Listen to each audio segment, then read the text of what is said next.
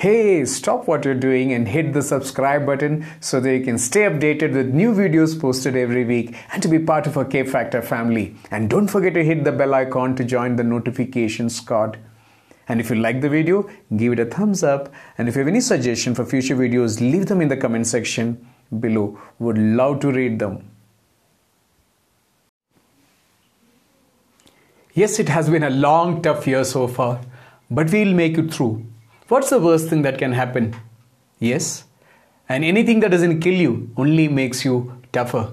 So we'll bounce back. Nothing is impossible. A champion once said, Impossible is not a fact, it is just an opinion. Impossible is potential. Impossible is temporary. Impossible is nothing.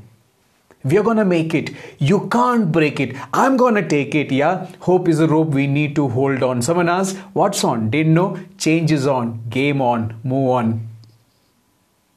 Breaking news is all toxic. Why is negativity on a rampage? What happened to the goodness that's basic? Isn't basic human values even part of the package? Why is there a spike in the cases of nepotism? Why people crib, complain, and troll? We know we are all one. Why show favoritism? Bullying in any form, we need to take a call. Don't ignore the warning signs. Don't deny the change, nor resist. Realize the potential within. Just go all out and persist.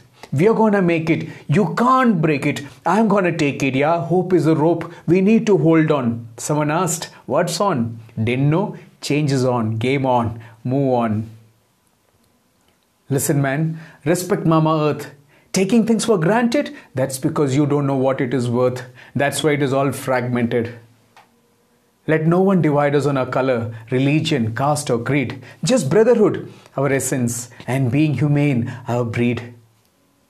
Keep your eyes and ears open. Man, be awake. With love and compassion, new and better world we are gonna make. We are gonna make it. You can't break it. I'm gonna take it, yeah? Hope is a rope we need to hold on. Someone asked, What's on? Didn't know? Change is on. Game on. Move on. Learn, unlearn, relearn, repeat. Good deeds I have come here to earn. In the process, I may face defeat. But giving up is not my game. Again and again, I'll rise up. For resilience is my name. To be inspirational, you don't have to be a star in a cinema or sport. You don't have to do things monumental. Just do the little things from your heart. May you be that spark in the dark. May you be that ray of hope that help others cope. We are going to make it. You can't break it. I'm going to take it, yeah? Hope is a rope we need to hold on. Someone asked, What's on? Didn't know? Change is on. Game on. Move on. To become whatever you have the power. Be the change you want to see with self belief, standing tall like a tower, live life to the fullest on a spree. Every moment in your life, cherish. Whatever happens, happens for the best. Even the challenges you may face, relish. It is better to wear out than to rust. To succeed, how strong is your will to win? How deep is your urge? Fears and doubts within, are you ready to kill? Then with infinite potential you will merge. We are gonna make it. You can't break it. I'm gonna take it. Yeah. Hope is a rope we need to hold on. Someone asked, What's on? Didn't know? Change is on. Game on. Move on.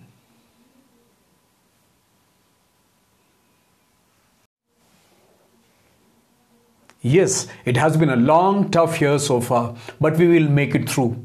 What's the worst thing that can happen?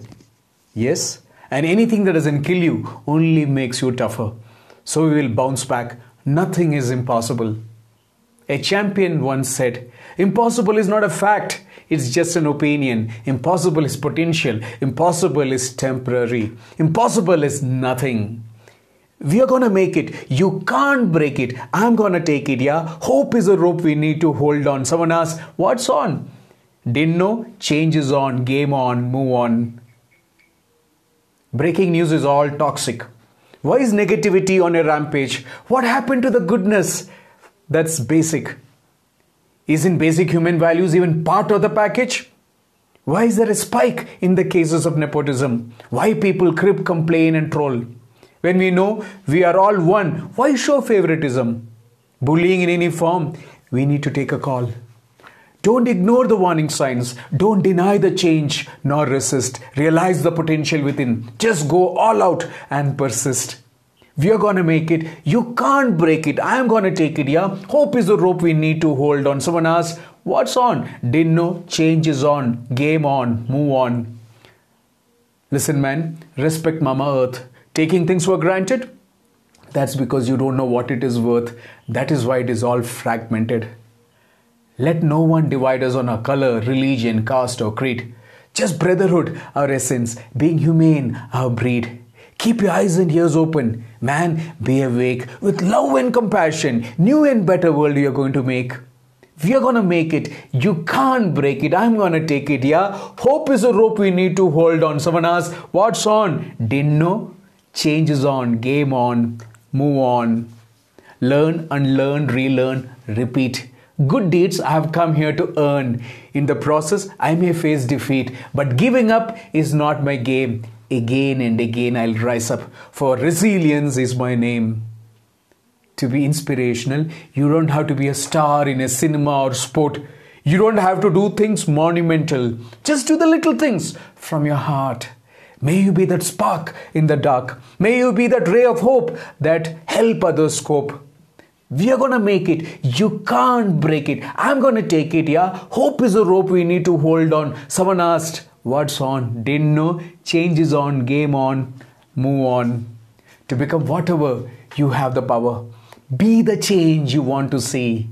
With self belief, standing tall like a tower. Live life to the fullest on a spree. Every moment in your life, cherish. Whatever happens, happens for the best. Even the challenges you may face, relish. It's better to wear out than to rust. To succeed, how strong is your will? To win, how deep is your urge? Fears and doubts within, are you ready to kill? Then, with infinite potential, you will merge. We are gonna make it. You can't break it. I'm gonna take it. Yeah. Hope is a rope we need to hold on. Someone asked, What's on? Didn't know. Change is on. Game on move on.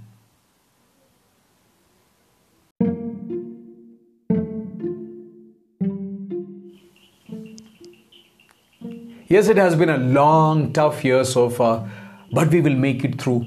What's the worst thing that can happen? Yes? And anything that doesn't kill you only makes you tougher. So we'll bounce back. Nothing is impossible. A champion once said, Impossible is not a fact, it's just an opinion. Impossible is potential, impossible is temporary, impossible is nothing. We're gonna make it. You can't break it. I'm gonna take it, yeah? Hope is a rope we need to hold on. Someone asks, What's on? Didn't know? Change is on. Game on. Move on. Breaking news is all toxic. Why is negativity on a rampage? What happened to the goodness that's basic? Isn't basic human values even part of the package?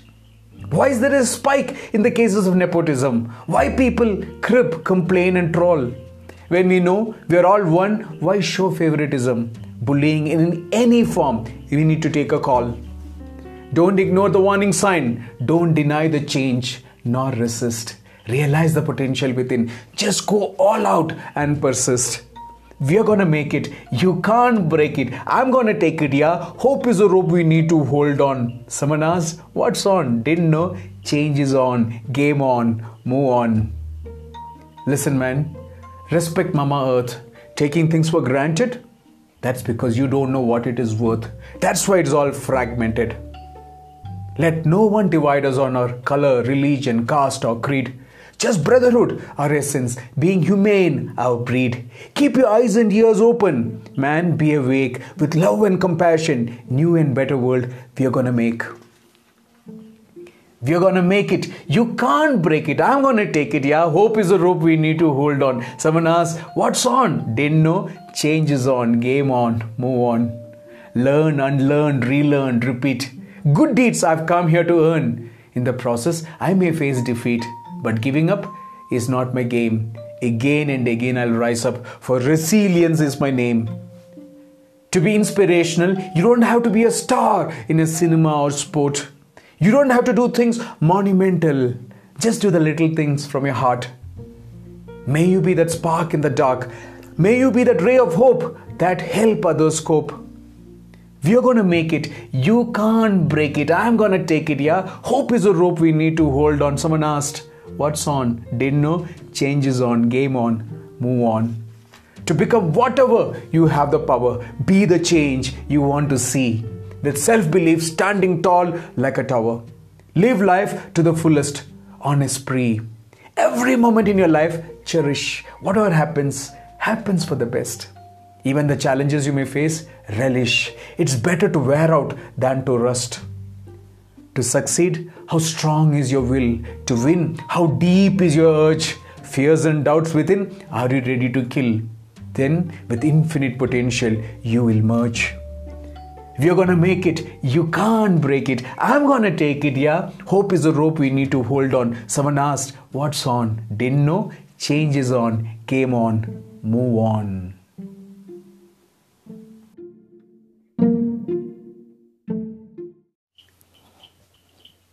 Hi, it's a beautiful cold Thursday morning in Coonoor, and I'm here with my cup of tea, and I hope you're doing good. I remember an incident that happened many years back. I was scheduled to give a motivational talk at Holy Cross Institution in Salem. So I had decided that I will take the early morning 5 o'clock bus from Coimbatore to Salem.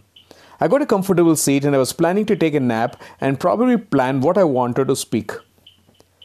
When the bus was about to start, a family comprising of a grandfather, grandmother, daughter, and their grandson, must be around five years old, boarded the bus.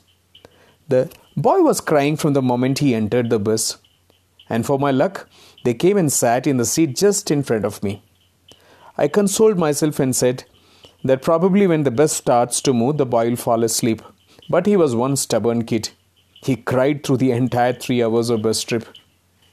I found myself even overhearing their conversation to find out what was his problem.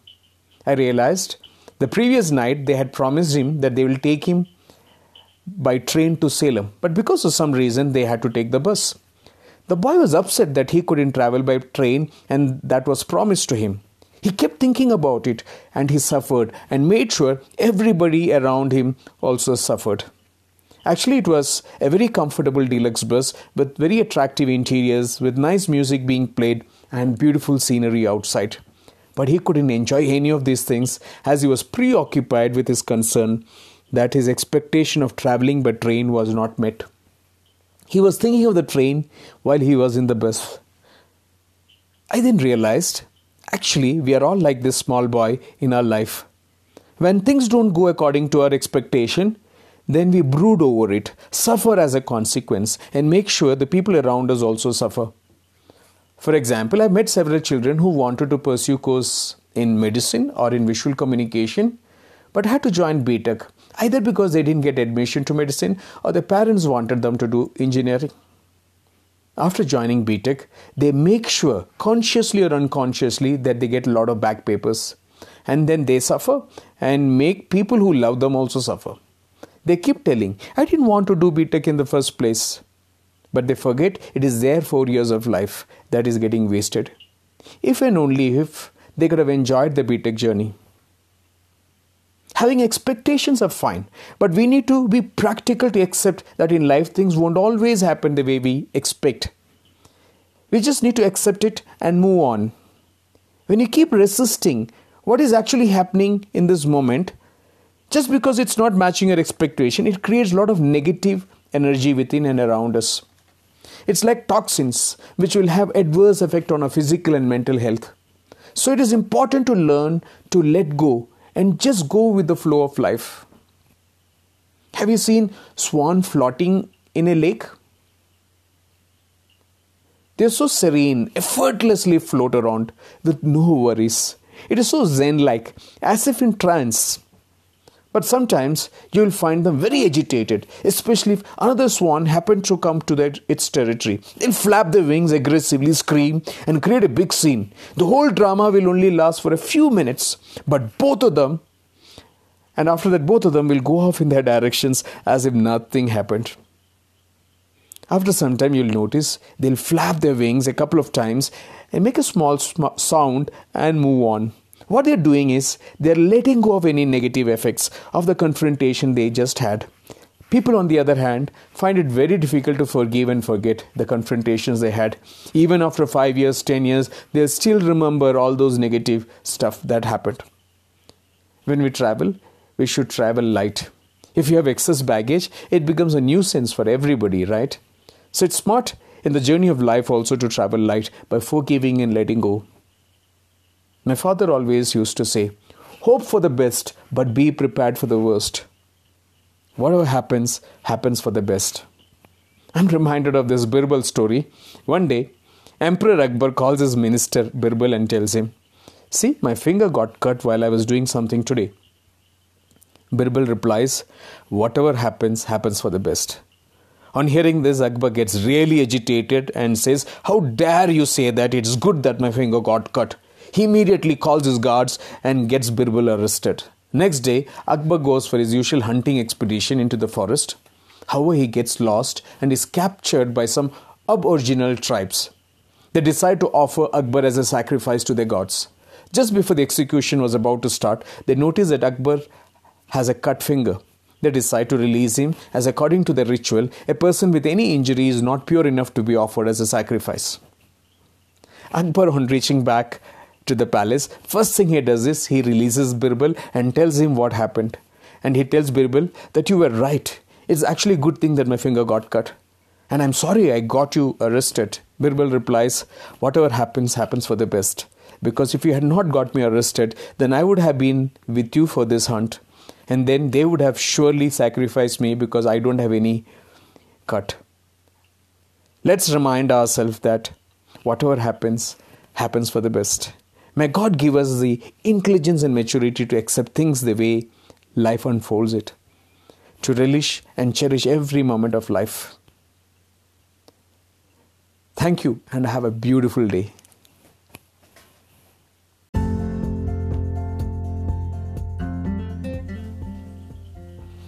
Hi, it's a beautiful cold Thursday morning in Coonoor, and I'm here with my cup of tea, and I hope you're doing good. I remember an incident that happened many years back. I was scheduled to give a motivational talk at Holy Cross Institution in Salem. So I had decided that I'll take the early morning 5 o'clock bus from Coimbatore to Salem. I got a comfortable seat and I was planning to take a nap and probably plan what I wanted to speak. When the bus was about to start, a family comprising of a grandfather, grandmother, daughter, and the grandson, must be around 5 years old, boarded the bus. The boy was crying from the moment he entered the bus. For my luck, they came and sat in the seat just in front of me. I consoled myself that probably when the bus starts to move, the boy will fall asleep. But he was one stubborn kid. He cried through the entire three hours of bus trip. I found myself even overhearing their conversation to find out what was his problem. I realized the previous night they had promised him that they'll take the train to Salem but because of some reason they had to take this bus. The boy was upset that he couldn't travel by train. That was promised to him. He kept thinking about it. He suffered and made sure everybody around him also suffered. Actually, it was a very comfortable deluxe bus with attractive interiors, with nice music being played, beautiful scenery outside, but he couldn't enjoy any of these things as he was preoccupied with his concern that his expectations of traveling in the train was not met. He was thinking about the train while he was in the bus. I then realized actually, we are all like this small boy in our life. When things don't go according to our expectation, then we brood over it, suffer as a consequence, make sure that people around us also suffer. For example, I met some children who wanted to pursue course in medicine or visual communication but had to join BTech either because they didn't get admission to medicine or the parents wanted them to do engineering. But after joining BTech, they make sure consciously or unconsciously they get lot of back papers. And then they suffer and make people who love them also suffer. They keep telling, I didn't want to do BTech in the first place. They forget it is their four years of life that is getting wasted. If and only if they could have enjoyed the BTech journey. Having expectations are fine. But we need to be practical to accept that in life things won't always happen the way we expect. We just need to accept it and move on. When you keep resisting what is actually happening in this moment, just because it's not matching your expectation, it creates a lot of negative energy within and around us. It's like toxins, which will have adverse effect on our physical and mental health. So it's important to learn to let go and just go with the flow of life. Have you seen swan floating in a lake? They're so serene, effortlessly float around with no worries. It's so zen like, as if in a trance. But sometimes you'll find them very agitated, especially if another swan happens to come into the territory. They'll flap their wings aggressively, scream, and create a big scene.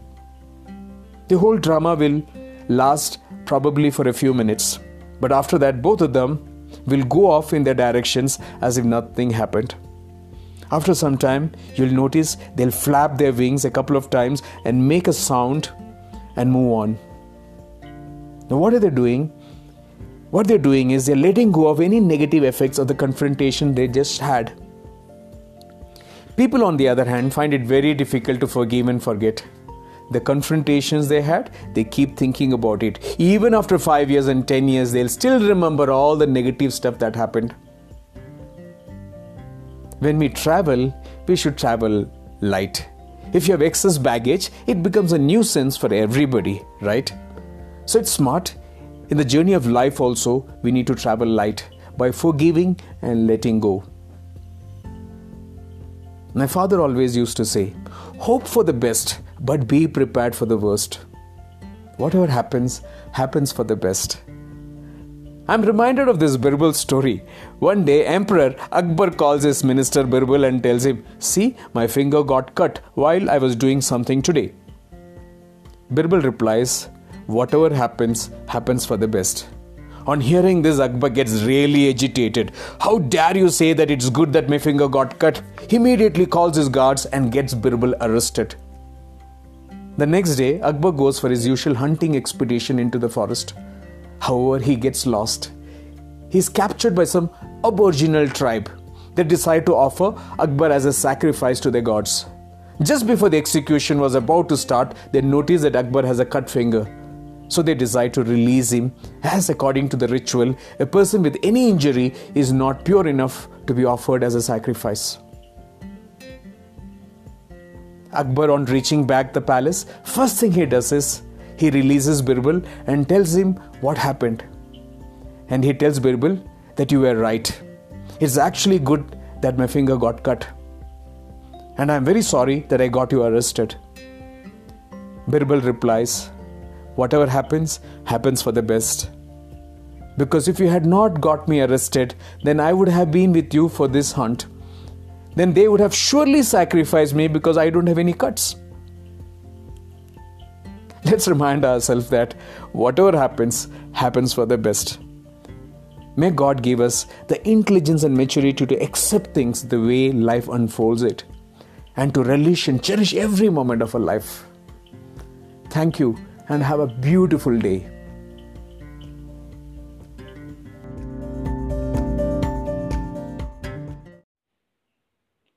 Hey, stop what you're doing and hit that subscribe button so that you can stay updated with new videos posted every week and to be part of our K Factor family. And don't forget to hit the bell icon to join the notification squad. And if you like the video, give it a thumbs up. And if you have any suggestion for future videos, leave them in the comment section below. Would love to read them. Mr. Viju Vetikad is a very enterprising entrepreneur from Changanasheri. This creative person is actually a trained animator who has worked in Italy for more than 20 years. A keen learner, he aspires to become a professional trainer one day.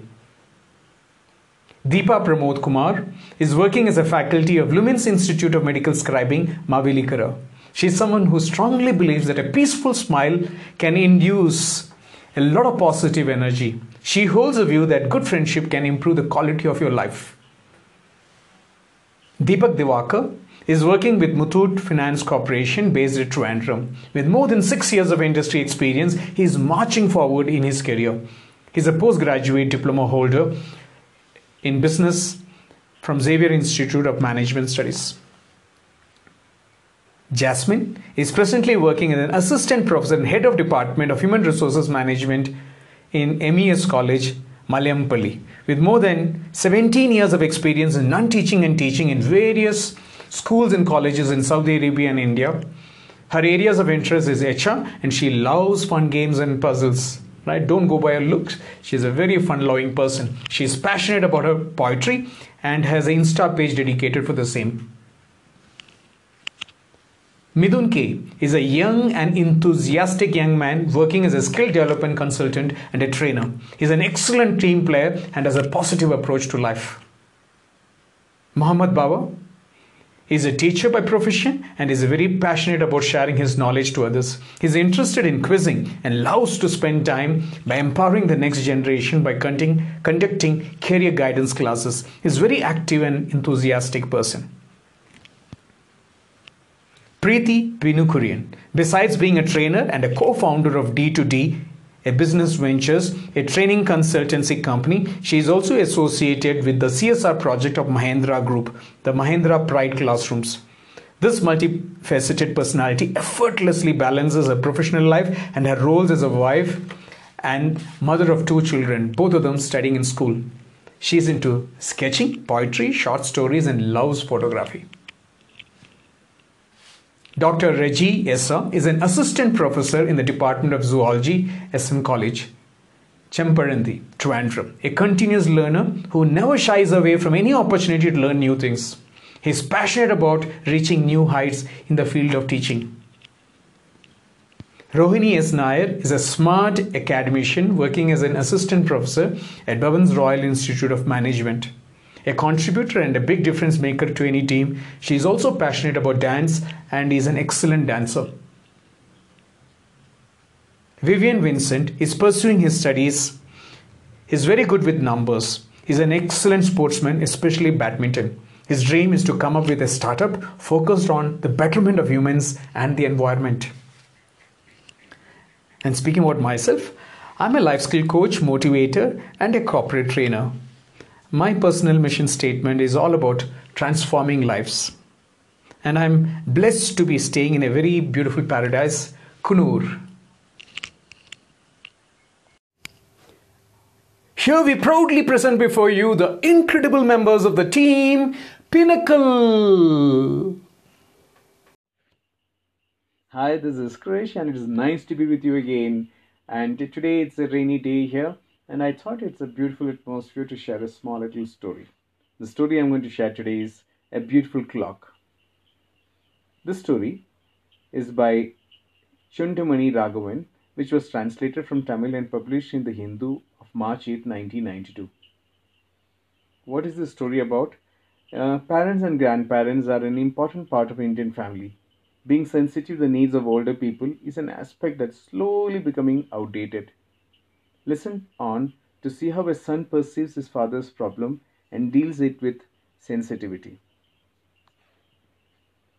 This clock is beautiful. I was about to eat the piece of dosha in my hand when, at these words, I abruptly raised my head and shot a look at my father. His eyes were full of longing. He was looking up at the wall clock, his eyes glued to it, hugging it as it were, as though he could not take his eyes out of it.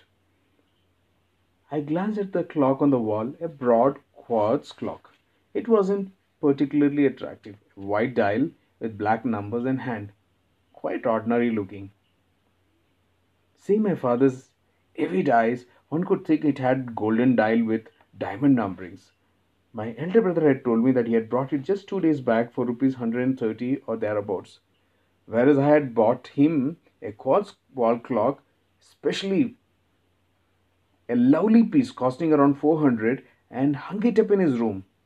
Did my father really think this one looked better? My sister-in-law came with her coffee. Uh, why have you not finished your tiffin?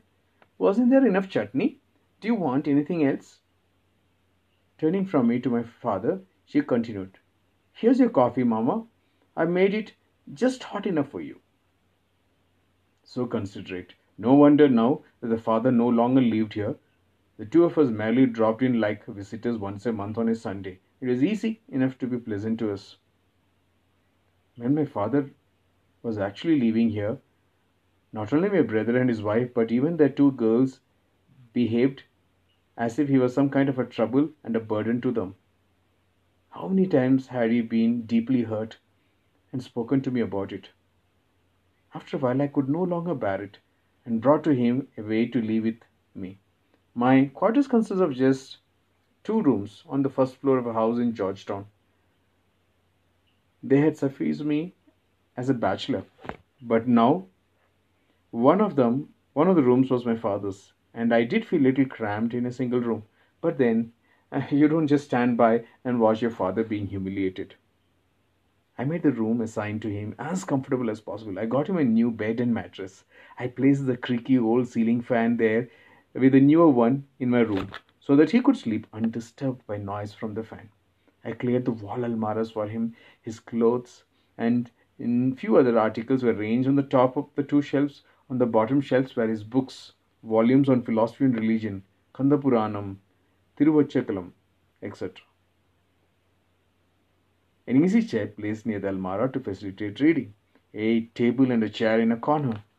Close to the cot, a tall stool with a table lamp so that he could read in bed at night. Raise your eyes from that position, and there on the opposite wall hung the clock. I had done so much for him. And yet now, in my brother's house, taking the coffee from my sister in law, he was looking up wishfully at the wall, his eyes lost in admiration of the clock brought by my brother and saying this clock is very beautiful. I washed my hands in the plate. My sister-in-law looked at me with surprise. Isn't the dosha good? You haven't eaten anything. I'm not hungry, Annie. I don't even want the coffee. My brother, who was eating tiffin with me, asked, Why aren't you hungry? Uh, didn't I tell you yesterday we hosted a feast to a colleague who was going away on promotion? My stomach feels heavy. What? Not yet digested yesterday's meal? You people have no health to speak of, said my father, sounding a little smug. He had always been proud of his good health. He firmly believed that even at 65, he was constitutionally much stronger than his sons. And it was not entirely a vain boast either. Hum, all weaklings, the lot of you, people of your generation, don't enjoy the health that we did. Your children probably won't even be as healthy as you are. See, she made the dosha so well, and it's unfortunate that you can't even eat. My father drank his coffee. Wonderful coffee, son. Why don't you try it? He turned to his daughter in law and said, Very good coffee you have made, my dear. I believe your husband brought this clock only the day before yesterday. A beautiful piece, very beautiful indeed. I did not participate in the general conversation that followed. You're not quite yourself today, my brother said. Stomach ache? Uh, feeling just a little tired, nothing more. A nap at home should set me all right. Shall we go, Appa? Sure, I'm ready. My father sprang to his feet, the agility that needed no supporting stick, the straight back. Bye, Anna. Bye, when will you come back? We'll see. My father took leave of my brother so long, boy, this really beautiful clock. You have chosen well. On reaching home, my father retired to his room. I could not rest in mine. Pacing the floor for a while, I walked into his room where I found him sitting in the easy chair reading. I raised my eyes to the wall in front of his bed. The quartz clock that I had brought for him adorned the wall like an ornament. Large, circular, numbers glowing like stars in the night sky. How beautiful it was.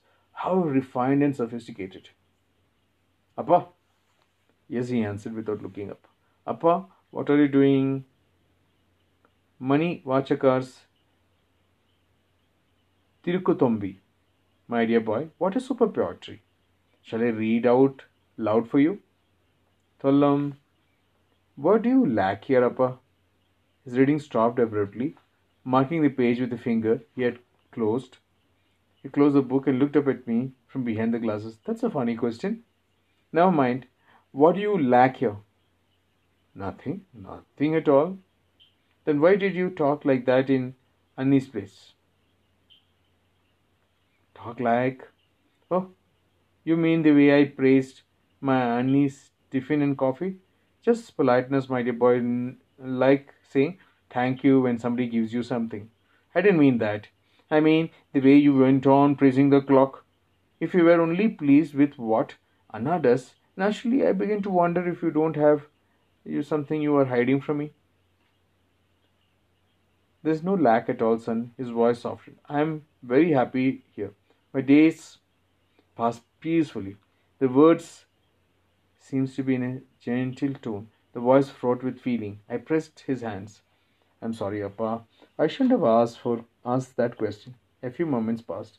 But that clock, Appa, was it all that beautiful? It looked very washed out. You didn't even have to go singing its praises even for the sake of politeness. Surely it's better looking than the one I bought for you. His father, his eyes strayed spontaneously to the clock on the wall. He sat silent for a moment. Then, all right, I won't praise it again. He opened the book to resume reading. I felt sorry for him. Shall we go to the beach this morning, Appa? You ought to spend Sunday evenings happily with your friends. Why go out with an old man like this? Because the old man happens to be my father, that's why. He exchanged a smile. All right, we'll go. Later that evening, after the cook had made our dinner and left, my father and I changed and got into to go out. I handed him the key to the lock on the front door. I'll go down and set the scooter started. I told him. You look up you lock up the door and join me. I climbed down the stairs, kicked my scooters to life, and started and getting into it waited for my father to come down and mount the pillion. As I continued to wait, three minutes, four, five, Appa, haven't you locked up yet?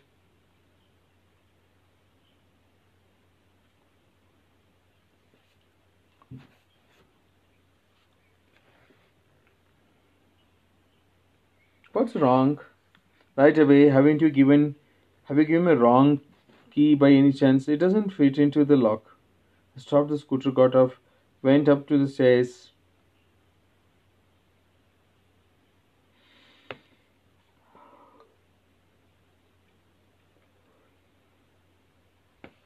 Again, I glanced at the lock. Rotating top part of the keyhole had turned away from the straight position, and father, unaware of this block, was struggling hard to insert the key. I swung around and stared again at him. It's a wrong key, isn't it? How long had it been here? In my surprise, I just stood there, unable to speak. Keyhole. Finally, however, he managed it. Deftly, feeling his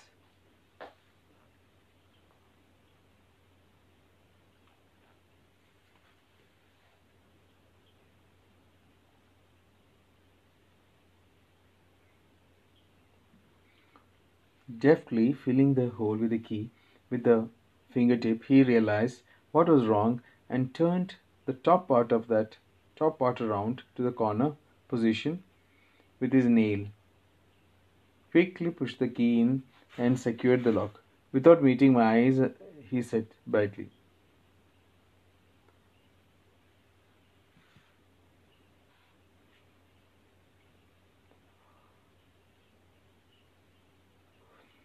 suppose the lock is very old and faulty, hence all the routine, hence all the trouble in the fitting the lock. I climbed down the stairs, saying nothing. He followed me. Early next morning, I observed him without his knowledge. As soon as he woke up, he switched on the table lamp, still lying down. The light fell on the opposite wall. He took his glasses from the table, put them on, and traced and looked at the wall clock. Then he got up from the bed and walked up to the bed peering at it closely.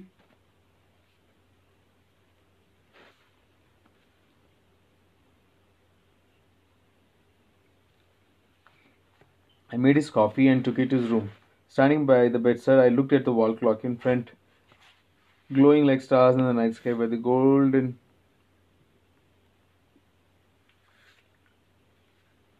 colored numbers and the hands on the back tile. Just a black mass if the light and angle vision were not right, especially with the eyesight becoming getting weaker. weaker. The clock, the other clock in my father's house, neck had a white background, a contrast clearly visible. The clock is beautiful. The need of the hour was clarity, not sophistication. He never told me. I thought of how proud he had always been with his health. He came to the bathroom. Here's your coffee, Appa. Have you had yours? Not yet.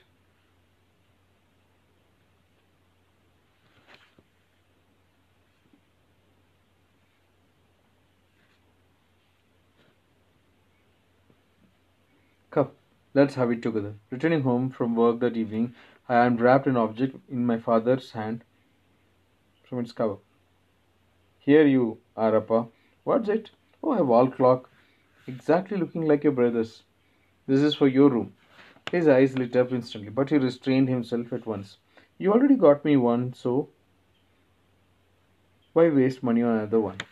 That's all right. You see, I understood why you liked the white clock in Anna's house so much. He looked a little rattled. Averting his eyes, shook his head and quiet denial. There was no particular reason. I only said, Why do you?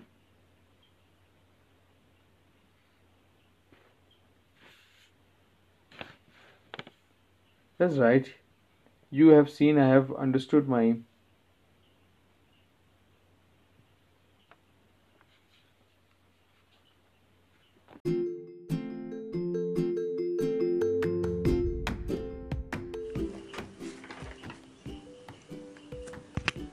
Hi, it's so nice to catch up with you again.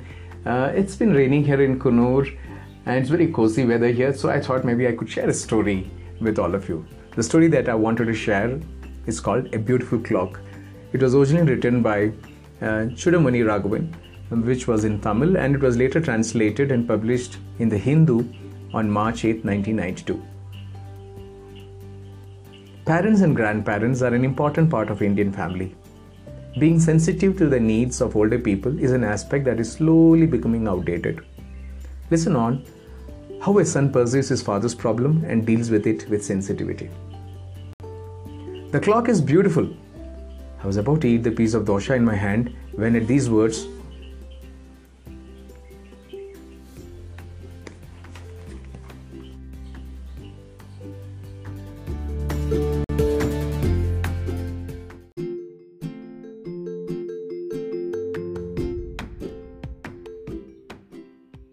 Hi, it's so nice to catch up with you again. It's been raining here in Coonoor for the last couple of days, but it's a very cozy weather, and I thought it's a nice ambience actually to share a story with you today. The story that I wanted to share with you is called A Beautiful Clock. This is a short story written by Chudamani Raghavan, originally in Tamil, but it was translated and published in the Hindu on March 8, 1992. You know, parents and grandparents are a very important part of our Indian family. But being sensitive to the needs of the older people is an aspect that is slowly becoming outdated. Listen on how a son perceives his father's problem and deals with it with sensitivity. This clock is beautiful. I was about to eat the piece of dosha in my hand when, at these words, I abruptly raised my head and shot a look at my father. His eyes were full of longing. He was looking up at the wall clock, his eyes glued to it hugging, as it were, as though he could not look his fill. I glanced at the clock on the wall, a broad quartz clock. It wasn't particularly attractive, a white dial with black numbers and hand, quite ordinary looking. Seeing my father's avid eyes, one could think it had a golden dial with diamond numberings. My elder brother had told me that he had bought it two days ago for just around 130 rupees, whereas I had bought a quartz clock especially for my father, a lovely piece costing around 400 rupees and hung it in his room. Did my father really think this one looked better? My sister in law came with her coffee. Why? You have not yet finished your tiffin? Wasn't there enough chutney? Do you want anything else? Turning to my father, she continued, Where's your coffee? Mama, I made it just hot enough for you.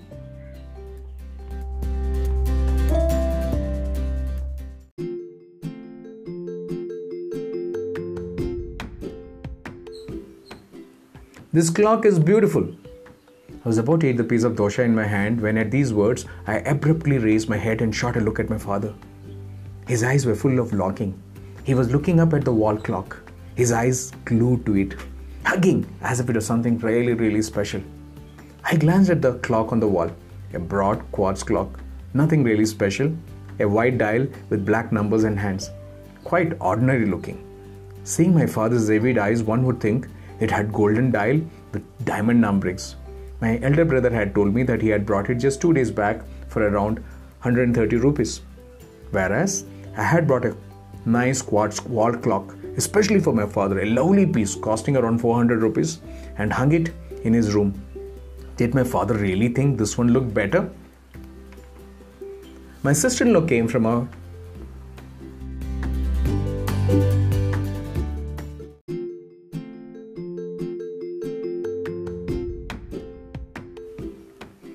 My sister in law came with her coffee.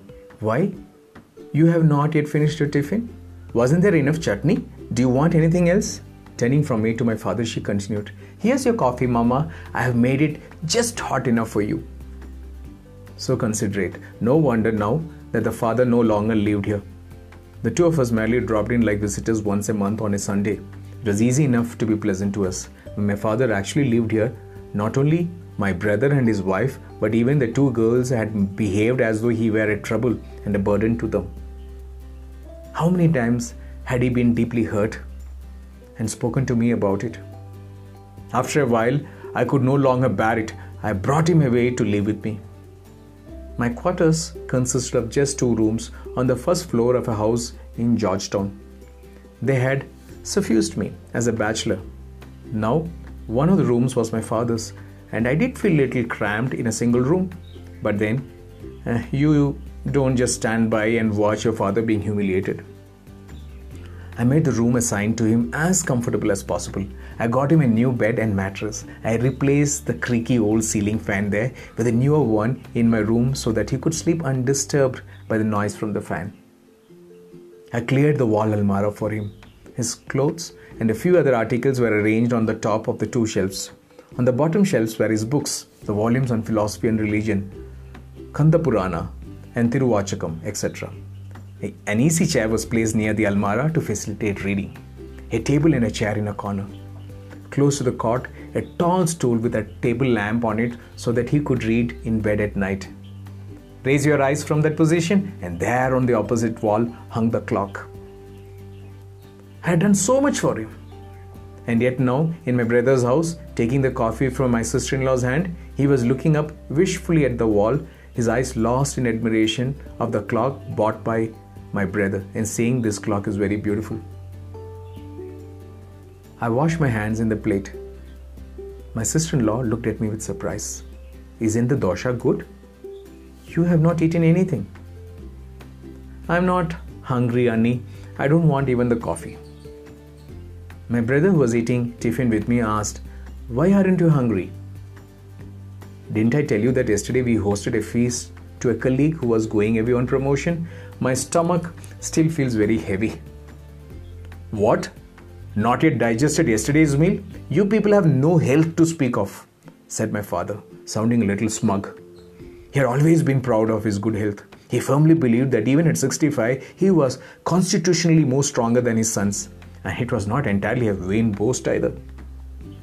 Hmm, all weaklings, the lot of you. People of your generation don't enjoy the health that we did, and your children probably won't even be as healthy as you are. See, she made the dosha so well, and this unfortunate chap here can't even eat them. My father drank his coffee. Wonderful coffee, son. Why don't you try it? He turned to his daughter in law. Very good coffee you have made, dear. I believe your husband brought this clock only the day before yesterday? A beautiful piece, very beautiful indeed. I did not participate in the general conversation that followed. You're not quite yourself today, my brother said. Stomachache? Uh, feeling just a little bit tired, nothing more. A nap at home uh, should set me right. Uh, shall we go, Appa? Sure, I'm ready. My father sprang to his feet. The agility that needed no supporting stick, the straight back, Bye, Anna.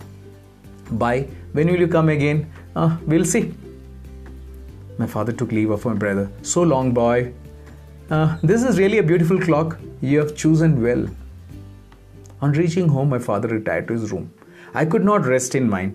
Pacing the floor for a while, I walked into his room where I found him sitting in the easy chair reading. I raised my eyes to the wall in front of his bed. The quartz clock that I had bought for him adorned the wall like an ornament, large, circular, the numbers glowing like stars in the night sky. How beautiful it was! How refined and sophisticated. Appa? Yes, he answered without looking up. Appa, what are you reading? Uh, Manikacharkar's Thiruvakuram.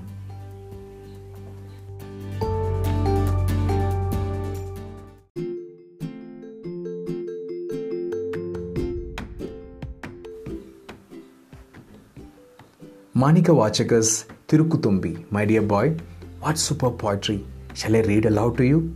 Tullum, what do you lack for here, Appa? His reading stopped abruptly. Marking the page with a finger, he closed the book and looked up at me from behind the glasses. What funny question. Never mind, what do you lack for here? Nothing, nothing at all. Then why did you talk like that in Anna's place? Talk like, oh, you mean the way I praised your anise tiffin and coffee? Just politeness, my boy. Like saying thank you when somebody gives you something. No, I didn't mean that. I meant the way you went on praising that clock. If you were only pleased with what Anna does, naturally, I begin to wonder if you don't find something lacking here. There's no lack at all, son. His voice softened. I'm very happy here. My days pass peacefully. The words came in in a gentle tone, the voice fraught with feeling. I pressed his hands warmly. I'm sorry, Appa. I shouldn't have asked that question. A few moments passed. But that clock, Appa, was it all that beautiful? It looked so washed out. You don't have to go on singing its praises even for the sake of politeness. Surely it is not better looking than the one I bought for you? His eyes strayed spontaneously to the clock on the wall. He was silent for a moment. Then, all right, I won't praise it again. He opened the book to resume reading. I felt sorry for him. Shall we go to the beach this evening, Appa? You ought to spend Sunday evening happily with your friends. Why go out with an old man like me? Because the old man happens to be my father. That's why. We exchanged a smile. All right, we will go. Later the evening, after the cook had made our dinner and left, my father and I changed and got ready to go out. I handed him the key to the lock on the front door. I'll go down and get the scooter started, I told him. You look and you lock for the door and join me.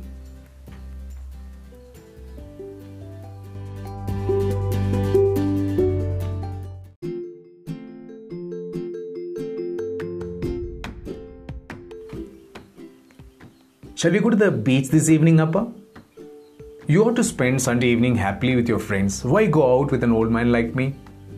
Because the old man happens to be my father. That's why we exchange a smile. All right, we'll go. Later in the evening, after the cook had made our dinner and left, my father and I changed and got ready to go out. I handed him the key to the lock on the front door. I'll go down and get the scooter started. I told him, You lock up the door and just join me. I climbed down the stairs, kicked my scooter to life, and getting into it and waiting for my father to come and mount the pillion.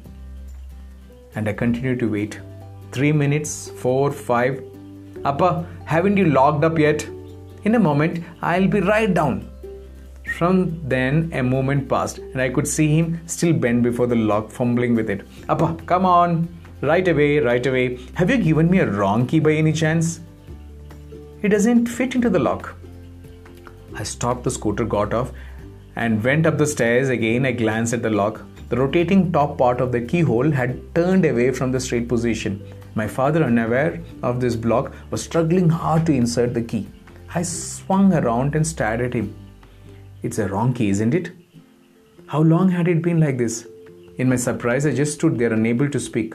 Finally, however, he managed it. Deftly feeling the keyhole with a fingertip, he realized what was wrong and turned the top part around to the correct position with his nail, quickly pushed the key in, and secured the lock. Without meeting my eye, he said brightly, too brightly, Nothing wrong with the key. I suppose the lock is very old and faulty, and hence all the trouble in fitting the key. I climbed down the stairs, saying nothing. He followed me. Early next morning, I observed him without his knowledge. As soon as he woke up, he switched on the table lamp, still lying down. The light fell on the opposite wall. He took his glasses from the table, put them on, looked at the wall clock. Then he got up from the bed and walked up to the clock. Peering at it closely, he read the time and then went to the bathroom to brush his teeth. I made his coffee, took it to his room, standing by the bedside. I looked at the wall clock in front, glowing like stars in the night sky by the golden colored numbers and hands on the black dial. Just a black mass of light and angle of vision were not right, especially with eyesight beginning to get weaker. The other clock in my brother's house, black numbers and hands on a white background, a contrast clearly visible. The clock is beautiful. The need of the hour was clarity, not sophistication. He never told me. I thought of how proud he had always been of his health. He came out of the bathroom. Here's your coffee, Appa. Have you had yours? Not yet. Come, let's have it together. Returning home from work that evening, I unwrapped the object in my hand from its cover. Here you are, Appa. What's it? Oh, a wall clock, exactly like your brother's. This is for your room. His eyes lit up instantly, but he restrained himself at once. You already got me one, son. Why waste money on another? That's all right. You see, I understood why you liked the white clock in Anna's house so much. He looked little rattled. Averting his eyes, he shook his head in quiet denial. There's no particular reason. I only said it casually. Why do you, Appa, you're ripe in years. You read philosophy, bhakti literature, elevating subjects, all of them. Your mind is getting purer every day. White is the symbol of purity, and so you prefer white to black. Can't I understand even that much? Relief suffused his face as he wiped his brow. Pretending not to notice it, I went into his room to that wall. I will hang up the white clock here and the black one in my room outside. When I completed the exchange and returned round to look at my father, I saw that his eyes were also fixed on me. Did his lips tremble slightly? Then he smiled. He came to me, put an arm around my shoulders, and he said, This black dial looks beautiful in your room.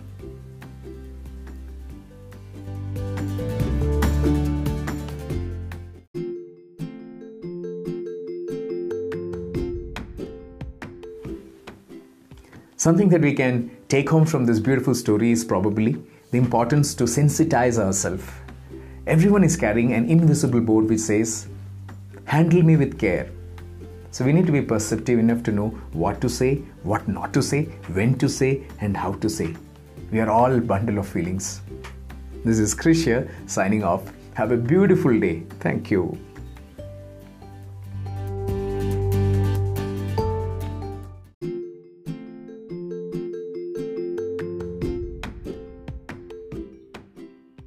Hi, it's so nice to catch up with you again. It's been raining here in Coonoor for the last couple of days, but it's a very cozy weather, and I thought it's a nice ambience actually to share a story with you today. The story that I wanted to share with you is called A Beautiful Clock.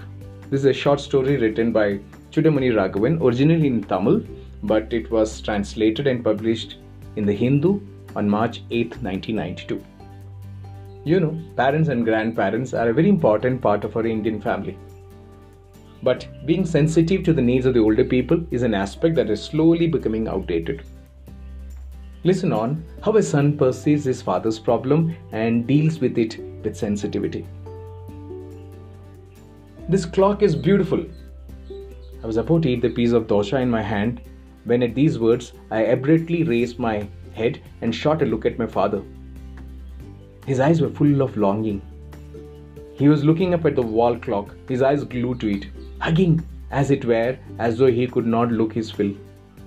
I glanced at the clock on the wall, a broad quartz clock. It wasn't particularly attractive, a white dial with black numbers and hand, quite ordinary looking. Seeing my father's avid eyes, one could think it had a golden dial with diamond numberings. My elder brother had told me that he had bought it two days ago for just around 130 rupees, whereas I had bought a quartz clock especially for my father, a lovely piece costing around 400 rupees and hung it in his room. Did my father really think this one looked better? My sister in law came with her coffee. Why, you have not yet finished your tiffin? Wasn't there enough chutney?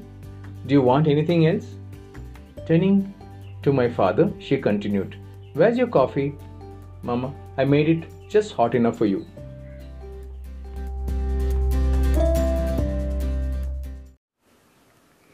My sister in law came with her coffee. Why? You have not yet finished your tiffin? Wasn't there enough chutney? Do you want anything else? Turning from me to my father, she continued, Here's your coffee, Mama. I have made it just hot enough for you. So considerate. No wonder now that the father no longer lived here. The two of us merely dropped in like visitors once a month on a Sunday. It was easy enough to be pleasant to us. When my father actually lived here, not only my brother and his wife, but even the two girls had behaved as though he were a trouble and a burden to them. How many times had he been deeply hurt and spoken to me about it? After a while, I could no longer bear it. I brought him away to live with me. My quarters consisted of just two rooms on the first floor of a house in Georgetown. They had suffused me as a bachelor. Now, one of the rooms was my father's, and I did feel a little cramped in a single room. But then, uh, you don't just stand by and watch your father being humiliated. I made the room assigned to him as comfortable as possible. I got him a new bed and mattress. I replaced the creaky old ceiling fan there with a newer one in my room so that he could sleep undisturbed by the noise from the fan. I cleared the wall almirah for him. His clothes and a few other articles were arranged on the top of the two shelves. On the bottom shelves were his books, the volumes on philosophy and religion, Kanda Purana and Tiruvachakam, etc. An easy chair was placed near the almirah to facilitate reading. A table and a chair in a corner. Close to the cot, a tall stool with a table lamp on it so that he could read in bed at night. Raise your eyes from that position, and there on the opposite wall hung the clock.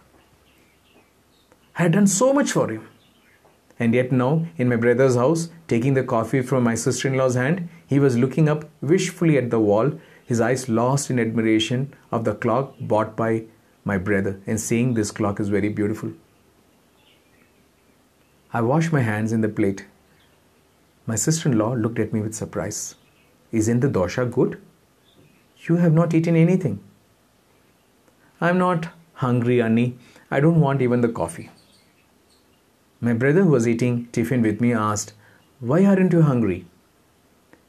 Didn't I tell you that yesterday we hosted a feast to a colleague who was going away on promotion? My stomach still feels very heavy.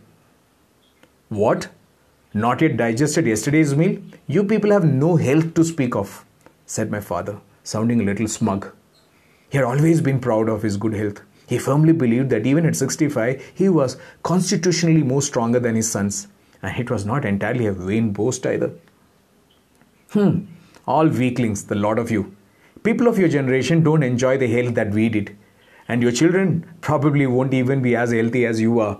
See, she made the dosa so well, and this unfortunate chap here can't even eat them. My father drank his coffee. Wonderful coffee, son. Why don't you try it? He turned to his daughter in law. Very good coffee you have made, dear. I believe your husband brought this clock only the day before yesterday? A beautiful piece, very beautiful indeed. I did not participate in the general conversation that followed. You are not quite yourself today, my brother said. Stomachache? Uh, feeling just a little bit tired, nothing more. A nap at home uh, should set me right. Uh, shall we go, Appa? Sure, I'm ready. My father sprang to his feet. The agility that needed no supporting stick, the straight back. Bye, Anna. Bye. When will you come again? Uh, we'll see. My father took leave of my brother. So long, boy. Uh, this is really a beautiful clock. You have chosen well. On reaching home, my father retired to his room. I could not rest in mine. Pacing the floor for a while, I walked into his room where I found him sitting in the easy chair reading. I raised my eyes to the wall in front of his bed. The quartz clock that I had bought for him adorned the wall like an ornament, large, circular, the numbers glowing like stars in the night sky. How beautiful it was! How refined and sophisticated. Appa? Yes, he answered without looking up. Appa, what are you reading? Uh, Manikkavachakar's Tiruvachakam. Something that we can take home from this beautiful story is probably the importance to sensitize ourselves. Everyone is carrying an invisible board which says, Handle me with care. So we need to be perceptive enough to know what to say, what not to say, when to say, and how to say. We are all bundle of feelings. This is Krish here signing off. Have a beautiful day. Thank you. Shall we go to the beach this evening, Appa? You ought to spend Sunday evening happily with your friends. Why go out with an old man like me? Because the old man happens to be my father. That's why we exchange a smile. All right, we'll go. Later in the evening, after the cook had made our dinner and left, my father and I changed and got ready to go out. I handed him the key to the lock on the front door. I'll go down and get the scooter started. I told him, You lock up the door and just join me. I climbed down the stairs, kicked my scooter to life, and getting into it and waiting for my father to come and mount the pillion. And I continued to wait. Three minutes, four, five. Appa, haven't you locked up yet? In a moment, I'll be right down. From then, a moment passed, and I could see him still bent before the lock, fumbling with it. Appa, come on! Right away, right away. Have you given me a wrong key by any chance? It doesn't fit into the lock. I stopped the scooter, got off, and went up the stairs. Again, I glanced at the lock. The rotating top part of the keyhole had turned away from the straight position. My father, unaware of this block, was struggling hard to insert the key. I swung around and stared at him. It's a wrong key, isn't it? How long had it been like this? In my surprise, I just stood there unable to speak. Finally, however, he managed it. Deftly feeling the keyhole with a fingertip, he realized what was wrong and turned the top part around to the correct position with his nail, quickly pushed the key in, and secured the lock. Without meeting my eye, he said brightly, too brightly, Nothing wrong with the key. I suppose the lock is very old and faulty, and hence all the trouble in fitting the key. I climbed down the stairs, saying nothing. He followed me. Early next morning, I observed him without his knowledge.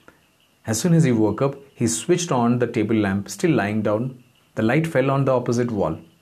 He took his glasses from the table, put them on, looked at the wall clock. Then he got up from the bed and walked up to the clock. Peering at it closely, he read the time and then went to the bathroom to brush his teeth.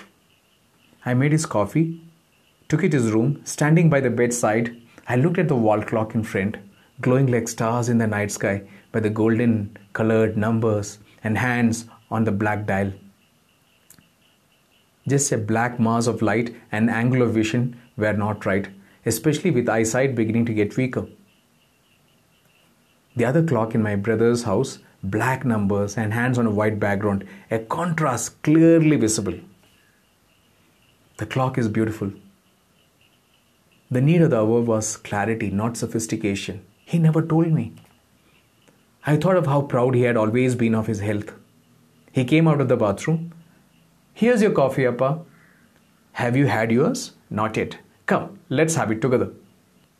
Returning home from work that evening, I unwrapped the object in my hand from its cover. Here you are, Appa. What's it? Oh, a wall clock, exactly like your brother's. This is for your room. His eyes lit up instantly, but he restrained himself at once. You already got me one, son. Why waste money on another? That's all right. You see, I understood why you liked the white clock in Anna's house so much. He looked little rattled. Averting his eyes, he shook his head in quiet denial. There's no particular reason. I only said it casually. Why do you? Appa, you're ripe in years. You read philosophy, bhakti literature, elevating subjects, all of them. Your mind is getting purer every day. White is the symbol of purity and so you prefer white to black. Can't I understand even that much? Relief suffused his face as he wiped his brow. Pretending not to notice it, I went into his room to that wall. I will hang up the white clock here and the black one in my room outside. When I completed the exchange and returned round to look at my father, I saw that his eyes were also fixed on me. Did his lips tremble slightly? Then he smiled. He came to me, put an arm around my shoulders, and he said, This black dial looks beautiful in your room.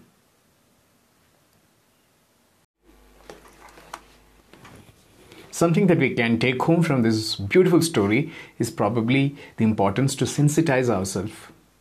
Everyone is carrying an invisible board which says, Handle me with care. So we need to be perceptive enough to know what to say, what not to say, when to say, and how to say. We are all bundle of feelings. This is Krish signing off. Have a beautiful day. Thank you.